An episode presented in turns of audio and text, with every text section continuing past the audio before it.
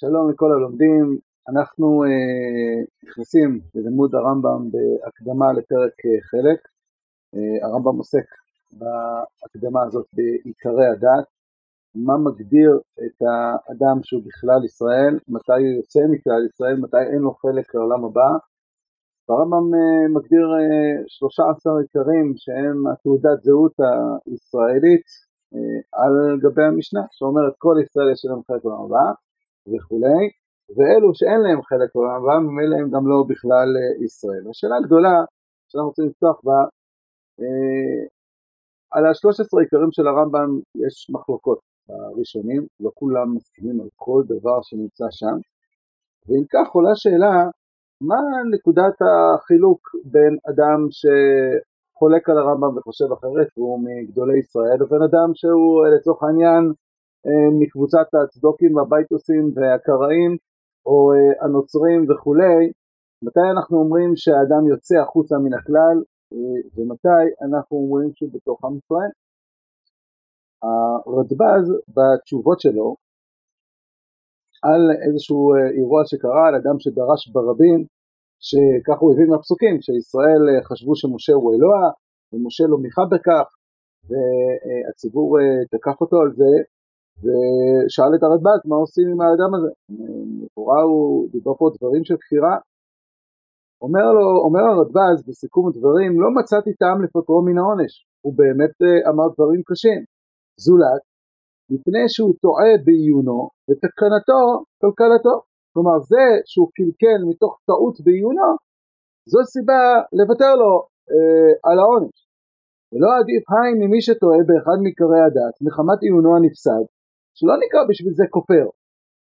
והרי הלל, הכוונה פה לרבי הלל בגמרא במסכת סנהדרין, שטען שאין משיח לישראל, למה? כי הוא הבין את כל הפסוקים בישעיה על חזקיהו, ולכן אין, אין יותר משיח. לכאורה הוא כפר בעיקר ה-12 של הרמב"ם, והאמת שהאמוראים שמה תוקפים אותו אה, על דבריו. אומר על זה רדב"ז, הרי הלל שהיה אדם גדול וטעה באחד מעיקרי הדת, שאמר שאין להם משיח לישראל, שכבר אכלו בימי חזקיהו, מפני זה הטעות, לא חשבו כופר חס ושלום. ואם לא כן, איך היו אומרים שמועה משמו? רבי הלל מופיע בש"ס, אחד מהאמוראים, אמורי ארץ ישראל. ואתה מבואר, כיוון שאין כפירתו אלא מפני שחושב שמה שעלה בעיונו אמת, אם כן אנוסו ופטור.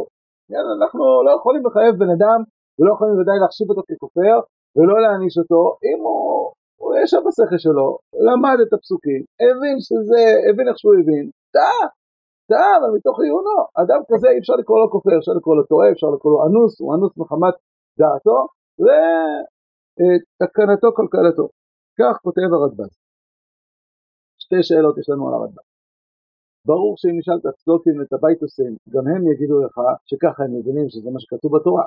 אפילו הנוצרים יגידו לך שזה מה שהם מבינים שכתוב בתורה ובנביאים בברית הישנה וכן הלאה וכן הלאה.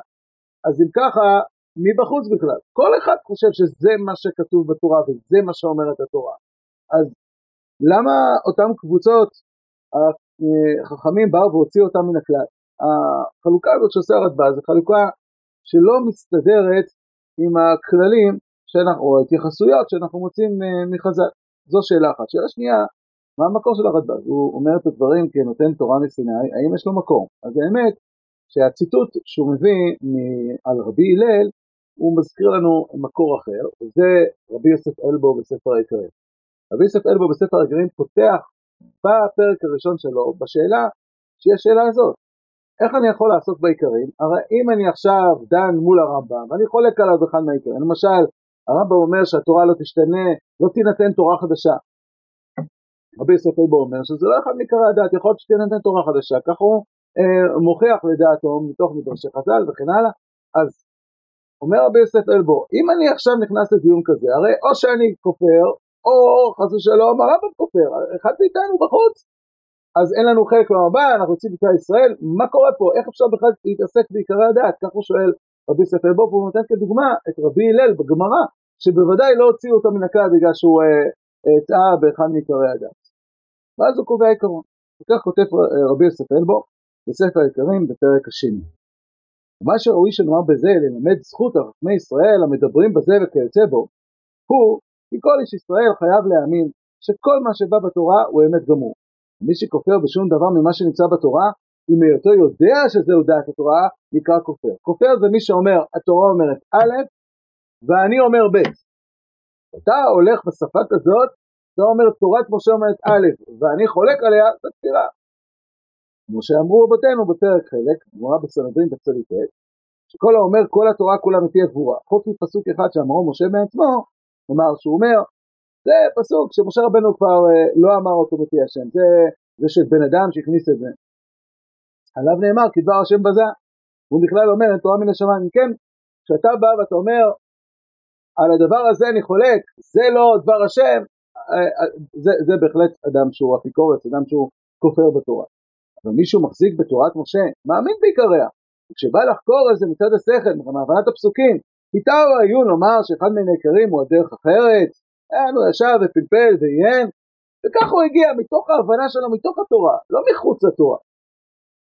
אין זה כופר, ובכלל חכמי ישראל וחסידיהם, אף על פי שהוא טועה בעיונו, והוא חוטא בשוגג וצריך כפרה, בסדר, יוצא תשובה, אם יתברר לו שהוא באמת היה טועה, אבל הוא בוודאי לא, לא יענש על זה, ודאי לא להוציא אותו מכלל ישראל, לכן נאמר לפי זה מי שלא הגיע מדרגת עיונו להאמין לכתובים בדרך שמסכים אל האמת, הוא מאמין אותם על פשטם, הוא מבין כתוב בתורה ותחת רגליו כמעשה לבנת הספיר, והוא מבין את זה כפשוטו, כך הוא הבין, הוא קורא בתורה, זה לא בגלל שהוא אמר התורה אומרת א' ואני אומר ב', כך הוא הבין בתורה, אז הוא אומר גמור, נכון, זה לא בסדר, בחירה ואמונה בהגשמה, אבל אינו יוצא בזה בכלל בעלי התורה חלילה, ולא הותר לספר בגנותו ולקראותו מגלה פנים בתורה ולא כופר ולמנותו בכלל למינים חס ושלום. וגדולה מזו כתב הרייבג'ל.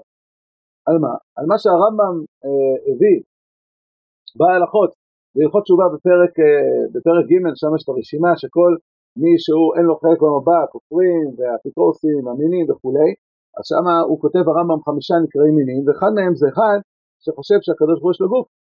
אז זה כותב הרייבד, למה אתה אומר שהוא אה, נקרא מין? וכתב עליו הרייבגל, אמר אברהם, אף על פי שעיקר האמונה כן הוא, ואני ודאי מסכים שהקדוש ברוך הוא לגוף, המאמין היותו גוף מצד תפיסתו לשונות הפסוקים ומדרשות כפשתן, אין ראוי לקראתו מין, עד כאן לשונון. כן, המקור של רבי יוסף אלבו הוא הראב"ד שחולק על הרמב"ם, ואומר שמה? שזה שהאדם הבין מהפסוקים בטעות שהקדוש ברוך הוא יש לו גוף, הוא בגלל שהוא טועה בעיונו, כך הוא הבין את הפסוקים. אז האדם הזה לא נקרא כופר. אין לקרוא תומין. אם כן יש לנו פה כבר שתי מקורות, יש לנו פה את הרעב"ד, שהוא המקור בעצם של רבי ספל בו, שהוא אולי המקור של הרדב"ד, והרעב"ד עצמו אולי המקור שלו, כמו שאומר אה, רבי ספל בו, הגמרא בסנהדרין, שאומרת שכל מי שכופר ואומר על משהו מהתורה שהוא לא דבר השם, אז דבר השם בזה. אבל אם ככה הוא מבין את הפסוקים, מה אתה רוצה ממנו? אה, זה וזה הדרך הרי אמיתי ונכון למה שנמצא לרבותינו ז"ל, אומרים על אלישע בן אבויה, אה, חוץ מאלישע אחר, שוב הבנים שאוהבים חוץ מאלישע אחר, שיודע בוראו מתכוון ללמוד בו, הנה ההגדרה, הוא יודע את בוראו והוא מורד, הוא עושה את זה מתוך תודעה, מתוך הבנה שהתורה אומרת א', והוא חולק על זה, ומי שאינו מתכוון למרוד, הוא לא אמין ולא כופר חלילה. הוצרכתי לכתוב כל זה כפי שראיתי קצת קלי עולם, חכמים בעיניהם מרחיבים פה מעריכים לשון כנגד גדולי עולם בלא דעת ולא תבונה. מכאן הותר לכל חכם לב לחקור בעיקרי הדעת ולפרש הפסוקים בדרך מסכים אל האמת לפי דעתו זהו, אתה תעשה את שלך, תתאמץ, תבין את הפסוקים, טעית במשהו, אפילו זה בעיקרי הדעת, זה שוגג, אם תגלה שטעית, תעשה תשובה, אבל בעיקרון ודאי שאתה לא יוצא מהכלל. כך מסביר רבי ספל בו. ועל אותה שאלה ששאלנו על הרדב"ן, אנחנו שואלים רבי ספל. אם ככה, כל הבית עושים והצדוקים, הם לא כופרים והם לא מינים. ככה הם הבינו את הפסוקים. הם הבינו שהפסוקים ממחרת השבת, זה לא ממחרת יום טוב. הם הבינו בפסוקים שכאשר הכהן הגדול נכנס אה, אל קודש הקודשים הוא צריך לשים את הענן, לשים את הקטורת אה, על האש לפני שהוא נכנס, וכן הלאה, ככה הם הבינו בפסוקים. אז מה אתה רוצה מהם? ואותו דבר גם הקראים, למה אתה מוציא אותם מן הכלל? לפי הכללים שאומר רבי יוסף אלבו, לפי מה שנראה מהרעב"ד, לפי מה, מה שהוא מביא ראייה מהגמרא בסרט הנדרין, לכאורה אה, זה לא מסתדר. אז אנחנו מתחילים מכיוון אחד, אה, וזה הר"ן בדרשות שלו. הר"ן בדרשות שלו עוסק במאמר חז"ל, במסכת יום הדקות שהרהורי עבירה קשים מעבירה. בהתחלה הוא מביא את הפרשנות של הרמב"ם, למה הרהורי עבירה קשים מעבירה? כי כשאדם בא ומתעסק בחטא בעולם הדעת שלו, עולם הדעת זה מקום גבוה יותר באישיות, ולכן הוא פוגם במקום גבוה יותר מאשר עולם המעשה. זה פרשנות אחת של הרמב"ם, אבל הר"ן מציע פרשנות אחרת. הוא אומר כך, מי שעושה עבירות בתמידות ואינו עושה תשובה מהן, איזו מחשבת שורש רע פורה בליבו, שאם לא כן, איך יימשך תמיד לאבד דבר יקר ונכבד בעבור דבר קל עובר בשעתו, ולא יהיה תמיד עומד בעונש גדול, לא שאיזה שורש רע פורה בליבו. וזה נחלקים הרשעים לכיתותיהם. יש בהם שמביאים אותם מעשיהם להכחיש מציאות השם יתברך, כמו שכתוב, אמן אבל בליבו אין אלוהים, יש מביאים אותם לבטל ההשגחה, או לפרפק בשכר ועונש וכולי וכולי. נמצא שהערעורים הנמשכים מהעבירות קשים מהעבירות עצמם, כי האוכל חלב אינה כי אם עבירה אחת. המחשבה סותרת פינות התורה. מה אומר הר"ן? אדם בא, חוטא, אוכל חלב, לתיאבון, חטא, עשה מעשה. אבל כשהוא חוזר על עצמו והוא חוזר על עצמו, הוא לא יכול להישאר באיזושהי מציאות שהוא מרגיש את עצמו חוטא וחוטא באופן קבוע. ואז הוא מתחיל לבנות אידיאולוגיה, ואז הוא מתחיל לבוא ולשנות משהו מעיקרי הדעת ולהגיד לא, באמת המצווה הזאת בכלל לא כתובה בתורה, או אה, אה, ב, אני לא מאמין לדברי חכמים, או שאני לא מאמין בהשגחה וכולי, הוא יכפור באחד מקרי הדעת כדי להכשיר בסופו של דבר, לתת לגיטימציה למעשה שהוא עושה. אומר הר"ן, זה המושג הרהורי עבירה. הרהורי עבירה שבאים אחרי עבירה, זה לא הרהורים בעבירה, זה הרהורים של כפירה, של כפירה באחד מקרי הדעת כדי להכשיר את העבירה. זה הרהורי עבירה של קשים לעבירה, כי עבירה זה מעשה, זה חטא ספציפי. אבל כשאדם כופר באחד מקרי הדת, הוא מוציא את עצמו מכלל ישראל, לכן אירועי עבירה קשים לעבירה. כך כותב הר"ן. לפי הר"ן אפשר לתת אה, כיוון שיש חילוק מאוד גדול אולי בין כל הכתות שקמו, שדיברנו עליהן לפני כן, לבין אותם חכמים שמתאר, שרבי יוסף אלבו מתאר אותם. החכם, הוא לא היה לו אג'נדה, הוא ישב ולמד את התורה, לא היה לו מטרה עכשיו להכשיר איזשהו, איזשהו שרץ, אה, אה, להתיר איזשהו איסור כי הוא רוצה להתיר אותו, הוא ישב ולמד את הפסוקים והגיע לכלל טעות, הוא חשב שהקדוש ברוך הוא גוף ככה עוברים בפסוקים, לא היה לו איזשהו עניין עכשיו להגיע למקום הזה, אז כיוון שכן, אז זה נקרא טועה בעיונו, הוא שוגג, צריך כפרה, אנוס, לפי מה שכותב הרדב"ז. לעומת זאת, שיטת, אה, מה שמציע הר"ן, הר"ן מדבר על אדם שבעצם יש לו אג'נדה, יש לו איזושהי תאווה שאותה רוצה להכשיר. ובגלל התאווה הזאת הוא הגיע לכפירה באחד מקרי האדם. כיוון שהוא לא בנקי, הוא בסופו של דבר בא והגיע לאותה נקודה שאותו חכם הוא יגיע אליה, אבל הוא הגיע מתוך אג'נדה, הוא הגיע מתוך זה שהוא רצה למצוא דרך איך להכשיר לעצמו את השרץ, זה נקרא כופר. שאלה מה הגורם שהגיע למצב שהוביל אותו לכלל טעות, ויכול להיות, אפשר לפי זה לתרץ. כל הכתות הללו, כמובן שצריך להוכיח את זה, אבל כל הכתות הללו לא התחילו מכפירה מתוך איזושהי טעות בעיון, אלא התחילה, כל הכתות הללו התחילו מכוח, מכוח זה שהם רצו להכשיר על שם חטאים, להכשיר על שם תאוות. אבל הדבר הזה אה, הוא קשה. קודם כל, אה, האם זה באמת היה סיפור של צדוק ובטוס והקראים? לא בטוח. כשנסתכל על למשל על הקראים, תראה שבהרבה דינים הם החמירו הרבה הרבה יותר מאשר, אה, מאשר אה, מסורת ישראל. אז אה, מעלה סימן שאלה, אחד. שניים, זה בכלל לא תואם את הראייה ממסכת סנהדרין. הגמרא במסכת סנהדרין אומרת שמי שבא וטוען שאחד מהפסוקים שכתוב, שכתובים בתורה הם לא דבר השם, אז uh, הוא בכלל דבר השם בזה. למה? לפי רבי יוסף אלבו, הרי לפי החינוך שאמרנו עכשיו, אם הוא עשה את זה כי ככה הוא הבין מפשט הפסוקים, כתוב הכנעני אז בארץ, או כתוב ויכה את כל שדה עמלקי, אבל עדיין אין עמלק בכלל, אז צריך להסביר את זה, הוא קורא שבעה פסוקים אחרי שמשה רבנו נפטר, צריך להסביר את זה, אז הוא טעה בעיונו, וחושב, טוב, זה מי שהוסיף את זה אחר כך, מרצונו, מ, מ, לא, לא בגלל דבר השם, אין פה דבר השם בכלל. מי שהוסיף, אה, הוא טעה בעיונו. למה, למה להוציא אותו, למה להפוך אותו לכופר? אז הגמרא אומרת שהוא כופר. הגמרא לא מחלקת בין אם האדם עשה את זה מתוך שהוא טעה בעיונו, ובין אם הוא עשה את זה בגלל שעכשיו היה לו איזושהי מין תאווה שהובילה אותו אה, לפרש ככה את הפסוקים. אז כיוון שכן, לא נראה שהחילוק הזה, אם כי יכול להיות שהוא נכון בעיקרו, לא נראה שזה החילוק של רבי יוסף אלבו, לא נראה וזה מה שהוא רצה ללמוד מהגברה בסנדרין. ומילא גם לא של הרב. אז כדי להבין את, ה, אה, אה, את שיטתם, בואו ניכנס לרמב"ם, שהוא בעצם השיטה, שכנראה חולקת עליהם, וננסה לראות מה אומר הרעב"ד בעצמו ממקורו. כאן יש נקודה מאוד חשובה, למרות שהרבה ספר אלבו נראה כאילו הוא מצטט את אה, השגות הרעב"ד. הוא אומר, אמר אברהם, ממש נראה כציטוט, כשאנחנו פותחים את הדברים בפנים, אנחנו רואים שהדברים טיפה שונים אה, ואולי אה, מבארים את הדברים בצורה יותר אה, ברורה. אז בואו נראה את הרמב"ם, הרמב"ם אומר חמישה ימים הנקראים מינים. זה בהלכות תשובה בפרק ג' הלכה ז', כפי שאמרנו לפני כן בעל חמישה ימים הנקראים מינים, האומר אין שם אלוה ואין לעולם מנהיג, והאומר שיש שם מנהיג, אבל הם שניים או יותר, והאומר שיש שם ריבון אחד, אבל הוא בעל גוף, הוא בעל תמונה.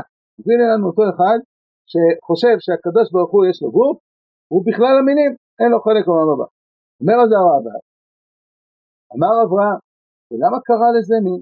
וכמה גדולים וטובים יש ועושים ממנו, הלכו בזו המחשבה, לפי מה שראו במקראות, ויותר ממה שראו בדברי האגדות המשבשות את הדעות. אז עכשיו בואו נחשוב, אם באמת החלוקה פה היא בין אדם שכך הוא הבין בדעתו, אומר הרמב"ם, מה אתה, למה אתה מוציא אותו החוצה? כך הוא הבין בדעתו. אז לפי זה, מי אמר שהרמב"ם חולק? הרמב"ם דיבר על מישהו שבהכרח ככה הוא הבין מדעתו, אולי מדובר פה על אדם שיודע שמסורת ישראל שהקדוש ברוך הוא אין לו גוף, והוא חולק על זה וחושב שהקדוש ברוך הוא יש לו גוף. מי אמר שהרמב"ם חולק על הרמב"ם? למה הרמב"ם תוקף את הרמב"ם? הרמב"ם אמר איך הוא הגיע לזה?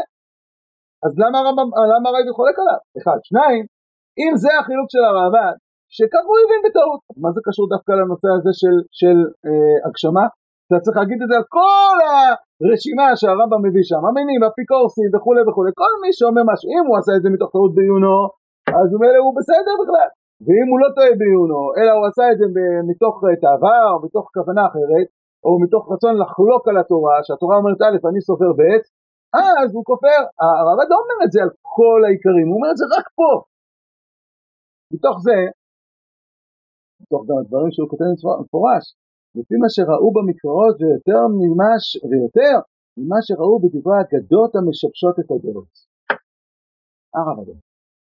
הרב אדם אומר, אני לא מדבר פה על כל כרגע, אני מדבר פה עכשיו ספציפית רק על הנושא הזה של ההגשמה. למה? כי בהגשמה יש לנו פסוקים, התורה מלאה בשפה שהיא שפה מגשימה. ויותר מזה, גם מסורת ישראלית הזאת. כלומר, כשאתה פותח את דברי חז"ל, אתה פותח את מדרשי חז"ל, המדרשים מלאים בהגשמה. ולכן האדם הלומד יכול לבוא לידי טעות. או במילים אחרות, מדובר פה במסורת שהיא לא ברורה. זה נכון שמי שישאל את גדולי העולם, כולם יגידו לך, יש בעיה לגוף אלא דמות הגוף, הכל זה משלים, הכל זה זה, אבל מי שלומד את המרחב של כל התורה ומדרשי חז"ל, יכול לבוא לידי טעות. המסורת פה היא מסורת שנראית מבלבלת. בניגוד לזה, בכל שאר העיקרים, אין מסורת מבלבלת. הדברים הם ברורים, הקדוש ברוך הוא אחד ולא שניים, יש לנו מסורת ברורה בישראל. יבוא אחד ויפרש כמו שפרשו הנוצרים, שמע ישראל, השם אלוקינו השם אחד, השם אלוקינו השם, השילוש. טוב, זה ברור שזאת לא מסורת ישראל. זה ברור שיש פה מישהו שלוקח פסוק מהתורה ומפרש אותו לא לפי המסורת, לא לפי התורה שבעל פה, לא לפי אה, אה, ההלך רוח הישראלי שיש לנו מדורי דורות, ולכן הוא יוצא מן הכלל. או במילים אחרות, כשהגמרא במסכת סנהדרין אומרת שכשאדם בא לוקח פסוק ואומר שזה לא דבר השם, כי דבר השם בזה, שאלנו מי אמר, אולי הוא ככה מבין בעיונו, הוא לא יכול להגיד אני ככה אני מבין בעיונו. כי יש מסורת ברורה בישראל שכל התורה כולה מן השמיים.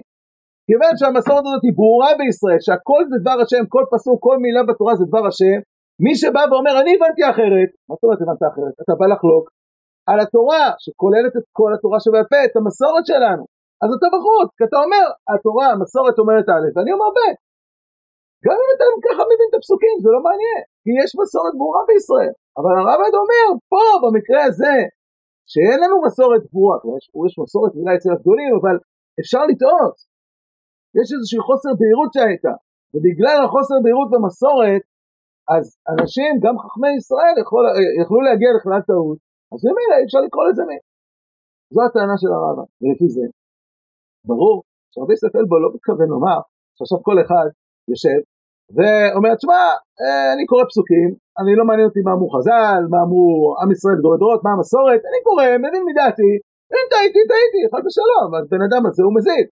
מדובר בבן אדם שיושב ולוקח את כל מה שיש לנו במסורת ישראל, ובכל זאת הוא הגיע אחרי הטעות. זה הסיפור גם של רבי הלל. לא הייתה אמירה מאוד מאוד ברורה לפסוקים בספר ישעיה, האם הם מדברים על חזקיהו, רק על חזקיהו, גם על חזקיהו, רצה גם שבור לעשות חזקיהו משיח. ולכן הוא הגיע לכלל טעות, ובאו חכמים אחרים וחלקו עליו. אבל כיוון שהמסורת עדיין לא הייתה ברורה, לכן הוא נקרא טועה בעיונו.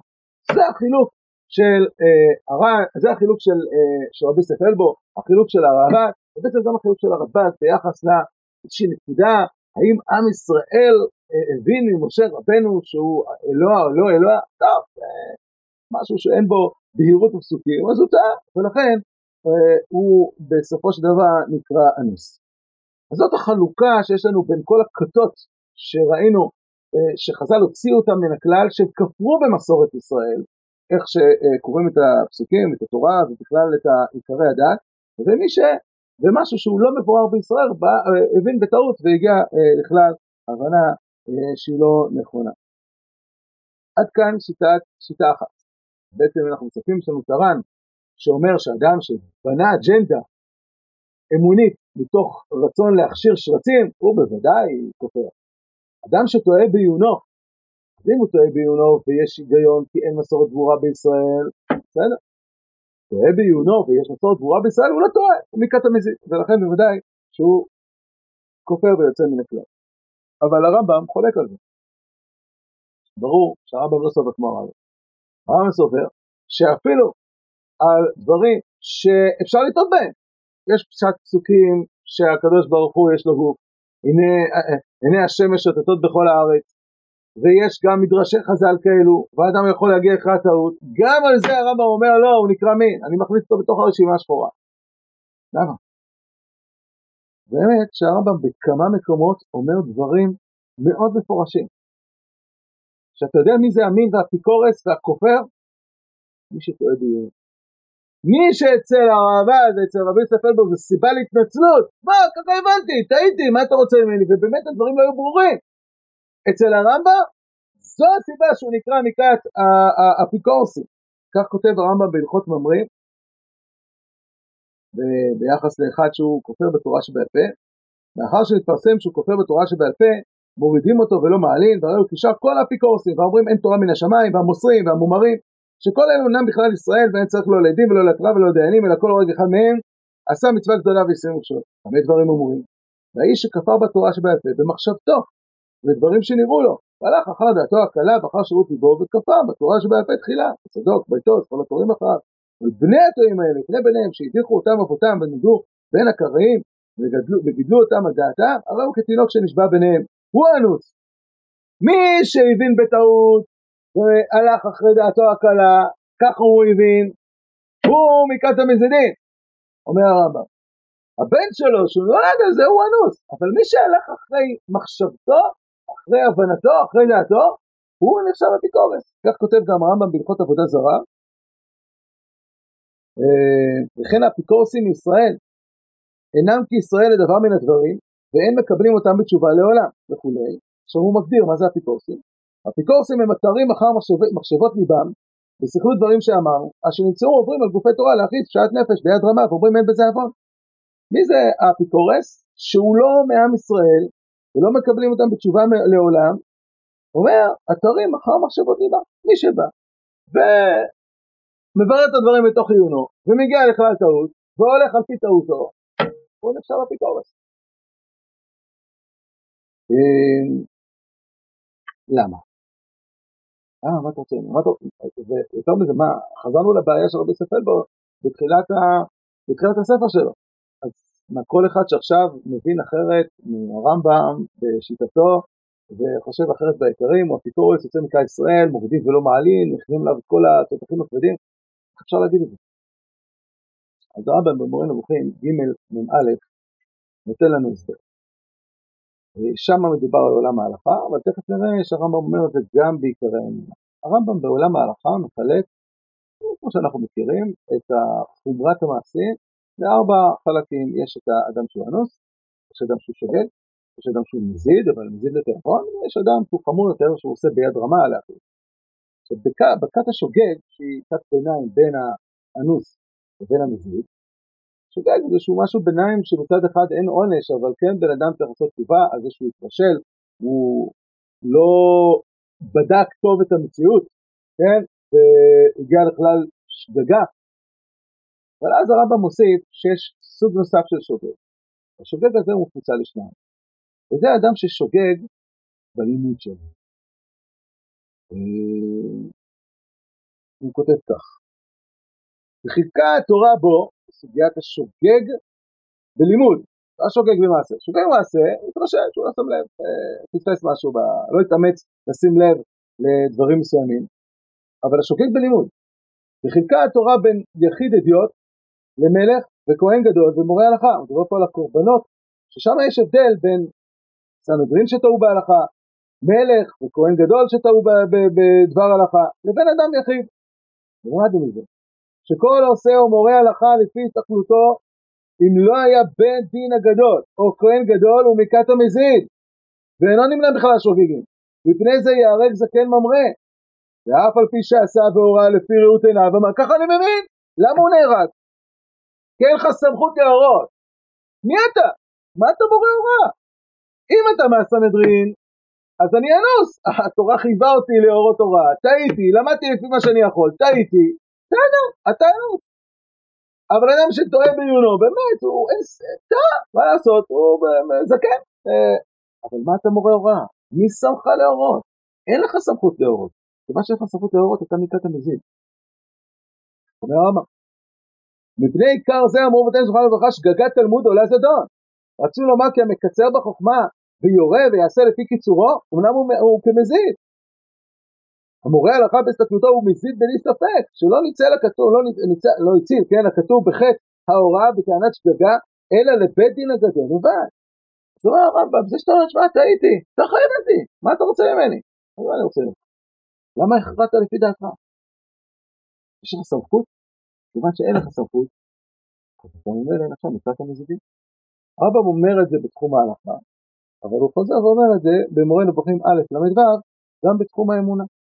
דע לך איפה, כי רק דמיונות ותפיסות לקויות גרמו לעובדי עבודה זרה לעבוד אותה. מה אתה חושב, עובדי עבודה זרה הם אשמים? גם הוא ככה הוא הבין בטעות. כמו שהרמב"ם כותב בהלכות עבודה זרה, שילמד אור אנוש, טעות חמורה, טעות. הבינו שכמו שאנחנו צריכים לעבוד את האלוה, האלוה ישמח מאוד אם אנחנו גם נכבד את המשרתים שלו, צריכים לעבוד את המשרתים, והגיעו לך טעות, הטעות הובילה את כל העבודה זרה. עכשיו התורה ציפתה עלינו להרוג את כל העבודה עבודה זרה האלו, מה הם עשו? הם טעו. אמרנו נכון, טעיתם. ו... זה לא נותן שום התנצלות.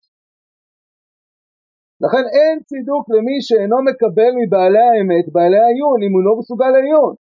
כי איני רואה כופר במי שאינו מוכיח הוכחה מופתית את שלילת הגשמות, אבל אני רואה כופר במי שאינו מאמין בשלילתה. אני לא מצפה באף אחד שיוכיח או שיבין וידע את ההוכחה שהקדוש ברוך הוא גוף. לא חייב, אתה לא חייב, אדם שלא מצליח להוכיח את זה, לא בגלל זה הוא כופר. אבל אתה צריך להאמין בזה. למה?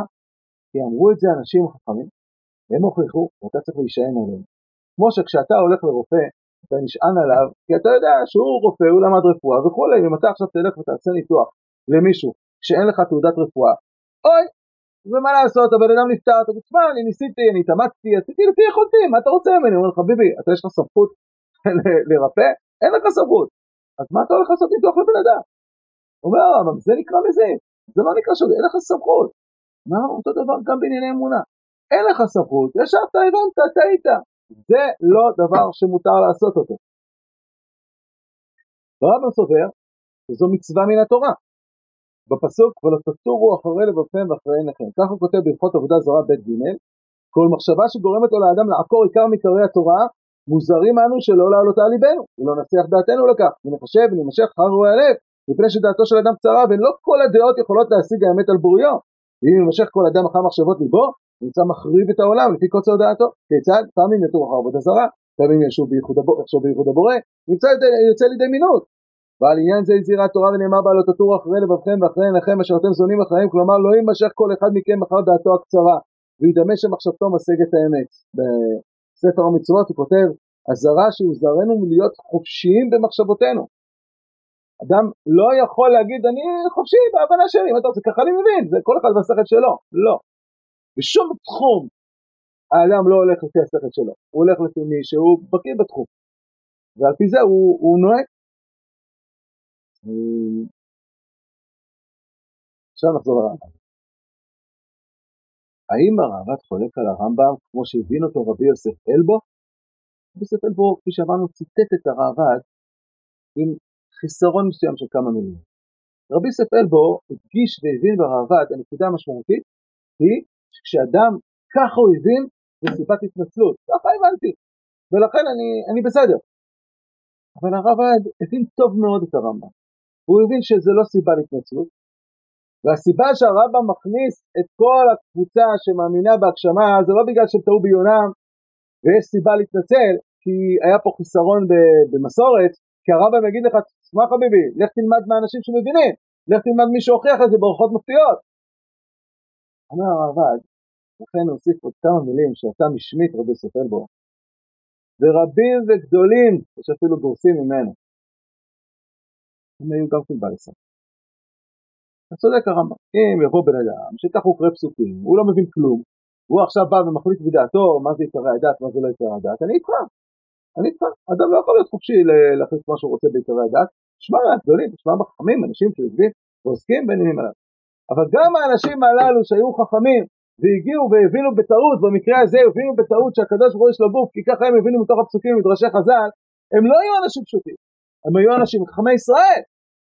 הרעב"ד בעצם מוסר לנו אה, אה, עדות שמדובר בחכמי ישראל ורבים וטובים ממנו. אנחנו מכירים ברמב"ן באגרות שלו שהוא שלח לחכמי צרפת בתקופתו, על זה שרצו אה, אה, אה, אה, להוקיע את הספרים של הרמב"ם, וחלק מתוך הדברים שלו אתה רואה שהוא הוא, הוא מבין שהם מבינים שהקדוש ברוך הוא יש לו גוף, הוא תוקף אותם על זה, הוא אומר, אתם, אתם רבותינו בתלמוד, אבל uh, מה קורה שם?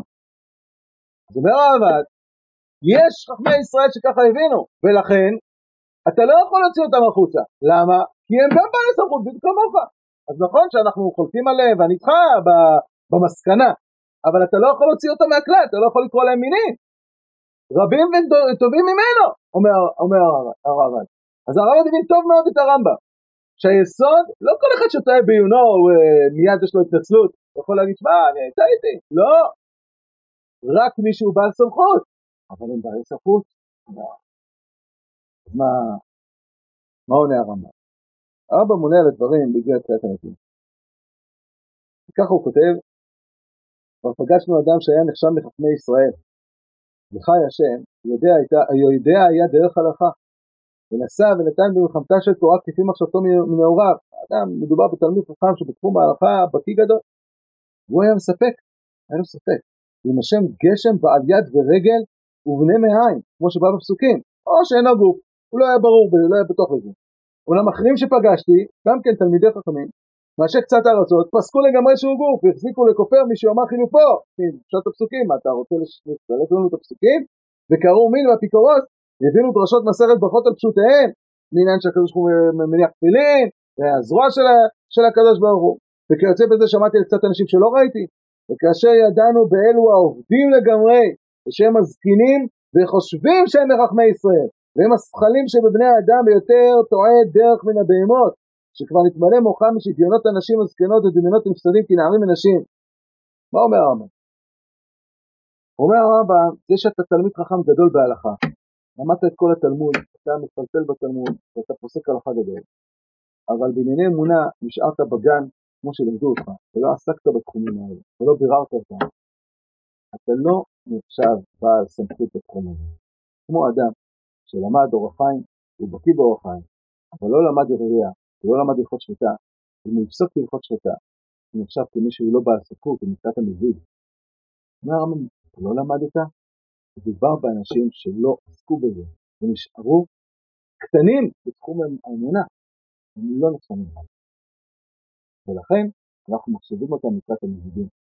וכך גם כותב הרשב"א בתוך uh, ספר מנחת קנאות, ולי נראה שצורך אחד הכרחו לחבר אותו הספר מורה נבוכים, בראותו רבים מעם מאמינים דעות המביאות להגשמה ותמונה לנגד עיניהם ודמות יערכו לו וחושבים שמייחדים ומרבים מחפים דברים אשר, אשר לא כן על השם אלוהיהם ופיהם צדק דוברים ועוון טמון בחובה. וישיתו לב למה שאמרה התורה ונשמרתם מאוד לנפשותיכם כי לא ראיתם כל תמונה ותמונה אינכם רואים זולתי כל. וזה צריכו לדבר בתארים בספר ההוא וכל הדברים המביאים להגשמה. כי עיניו ראו רבים הנקראים רבנים חוטאים להשם וזה החטא.